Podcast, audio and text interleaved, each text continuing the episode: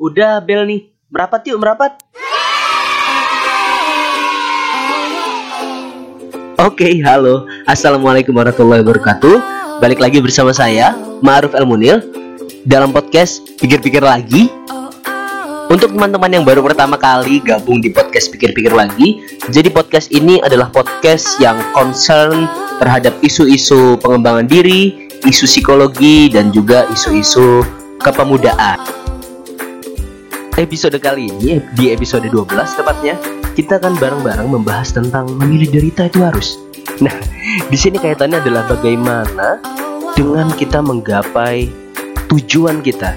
Karena tujuan itu biasanya sangat erat kaitannya ada deritanya atau ya bisa dibilang ada perjuangannya. Simak selengkapnya ya. Yuk, langsung aja kita mulai. 3 2 dan 1.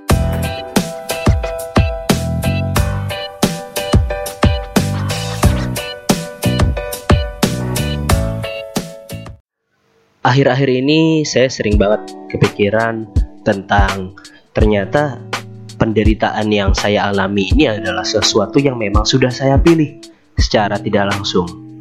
Sadar gak sih teman-teman pernah ada di posisi semacam ini? Coba teman-teman lihat diri teman-teman sekarang. Yang paling gampang adalah ketika melihat jurusan teman-teman. Ketika misalkan teman-teman berada di jurusan seperti saya, jurusan psikologi, berarti teman-teman akan mengerti banget penderitaan bagaimana nulis laporan. Atau mungkin teman-teman yang lain yang biasanya ada di teknik-teknik itu bagaimana capeknya di lab, bagaimana capeknya antri di lab, bagaimana capeknya ke lapangan. Atau mungkin teman-teman yang ada di kedokteran gigi saya yang mungkin beberapa teman saya yang capeknya deritanya mencari pasien atau mencari teman sendiri yang mau untuk dirawat dan segala macamnya. Ini adalah konteks utama yang ingin saya bahas. Karena bagaimanapun juga ya tadi saya bilang di awal, ketika kita menanamkan suatu tujuan, sebenarnya kita di sana kita juga memilih penderitaan apa yang akan kita lewati. Nah, makanya dari sini aku pengen banget ngajak teman-teman itu janganlah kita tuh ngerasa takut akan apa yang saat ini atau mungkin derita-derita yang saat ini kita alami. Karena sebenarnya ya bagus. Karena apa? Itu tandanya kita sedang berjuang. Kalau kita sadar kita sedang menderita.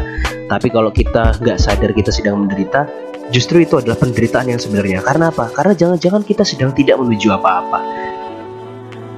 Makanya kalau di cover itu kan saya masukkan gambarnya Luffy dan saudara-saudaranya. Pasti teman-teman ngerti lah yang penggemar-penggemar One Piece teman-teman sadar nggak sih kalau Luffy itu menjadi sedemikian rupa seperti sekarang?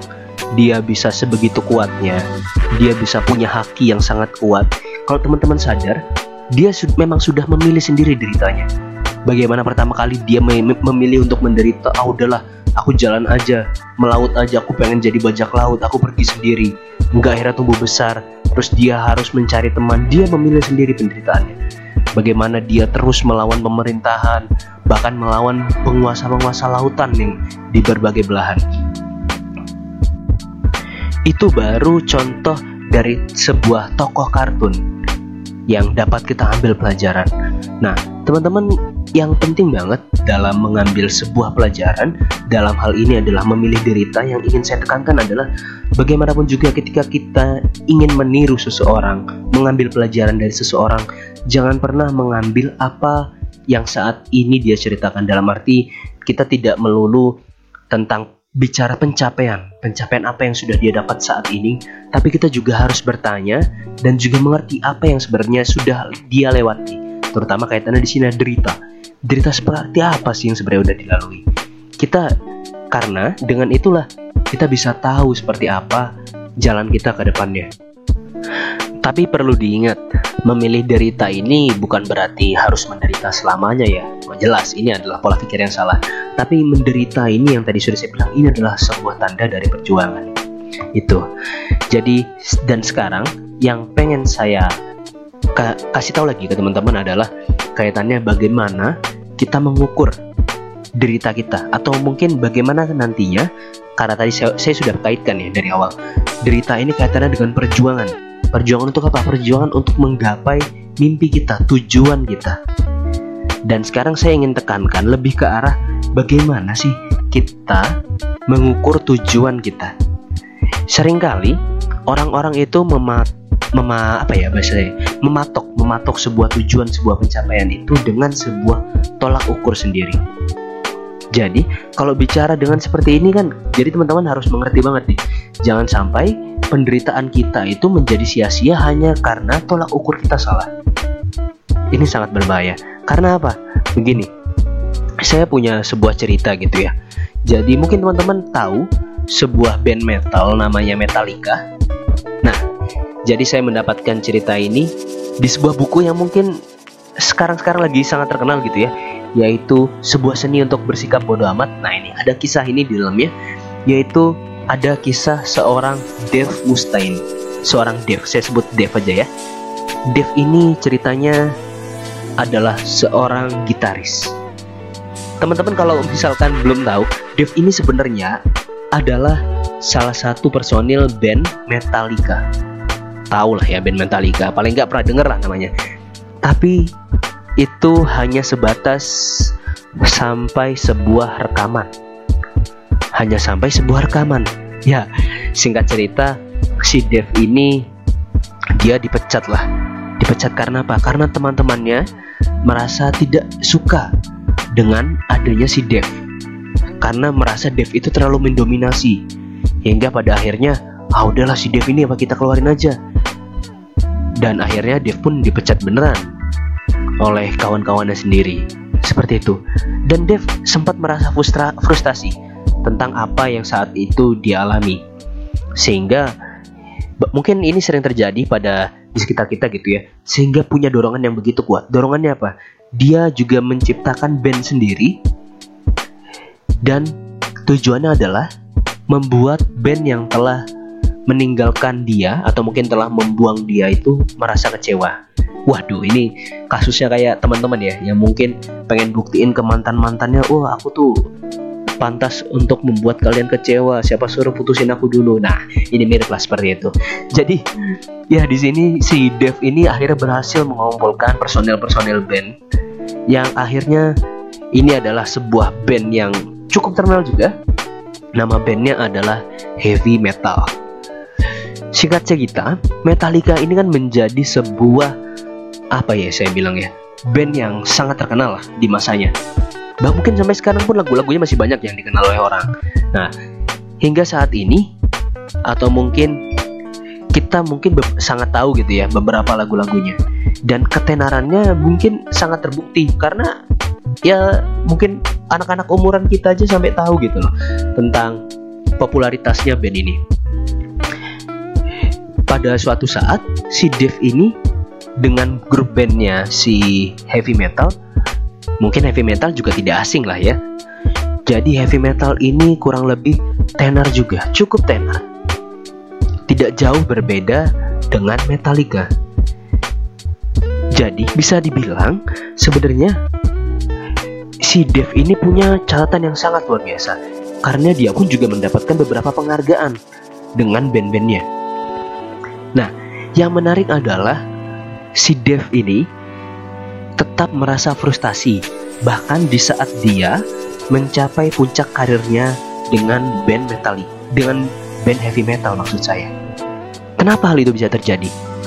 Karena yang tadi saya bilang di awal dia salah menempatkan alat ukur. Menempatkan alat ukur seperti apa? Karena dia mengukur kesuksesannya dengan band yang telah meninggalkan dia yaitu apa? Yaitu Metallica. Di sini dia salah. Padahal apa? Padahal dia sa sudah sangat beruntung. Padahal dia sudah sangat sukses karena dia sudah tetap dikenal oleh orang-orang. Dia sebagai personil grup band metal yang sangat terkenal. Walaupun masih tetap tidak seterkenal si Metallica. Saya mungkin teman-teman bisa mengambil beberapa pelajaran gitu ya dari kisah ini. Tapi yang jelas ini mungkin sangat mudah terjadi gitu ya di sekitar kita. Jadi seperti apa? Coba deh teman-teman sadari gitu. Ada nggak kira-kira sebuah pencapaian yang sebenarnya kita sudah dapat, tapi kita merasa oh, nggak seberapa ya? Karena apa? Karena kita salah menempatkan alat ukur. kita tidak bisa menempatkan atau mungkin menerapkan segala sesuatu yang ada pada diri orang lain plak di, ditempatkan pada diri kita. Padahal tentunya sangat berbeda situasi dan kondisinya. Ini akan membuat diri kita sangat gelisah. Sangat-sangat gelisah dalam menjalani segala hal gitu ya. Makanya kita ya mungkin kalau di apa bahasa-bahasa agamanya oh, jangan lupa bersyukur lah ya jangan lupa bersyukur jadi kalau sudah kita memilih derita kita menjalani perjuangan kita kita mencapai tujuan kita dan jangan lupa sebelum itu kita harus menempatkan alat ukurnya adalah alat ukurnya atau tolak ukurnya adalah diri kita sendiri. Kesuksesan kita adalah kesuksesan diri kita sendiri. Kan yang menjadi menarik ini kan adalah kalau misalkan di mahasiswa ini teman-teman sekarang ini mungkin ngerasa wah ini orang masih jadi mahasiswa kok udah kerja? Sedangkan kok gue belum apa-apa ya? Bahkan nilai gue masih jelek-jelek. Nah ini nih lu lu harus hati-hati bro. Teman-teman harus hati-hati. Karena apa? Karena ya kita jangan sampai membuat tolak ukur yang sama seperti yang mungkin saat ini sudah dicapai oleh teman kita mungkin di saat umur kita dua-dua kita masih menjalani kuliah tapi ada orang lain di umur dua-duanya dia sudah memiliki omset ratusan juta rupiah. Nah, ini teman-teman harus hati-hati karena jujurnya adalah apakah ada orang yang sukses di usia tua?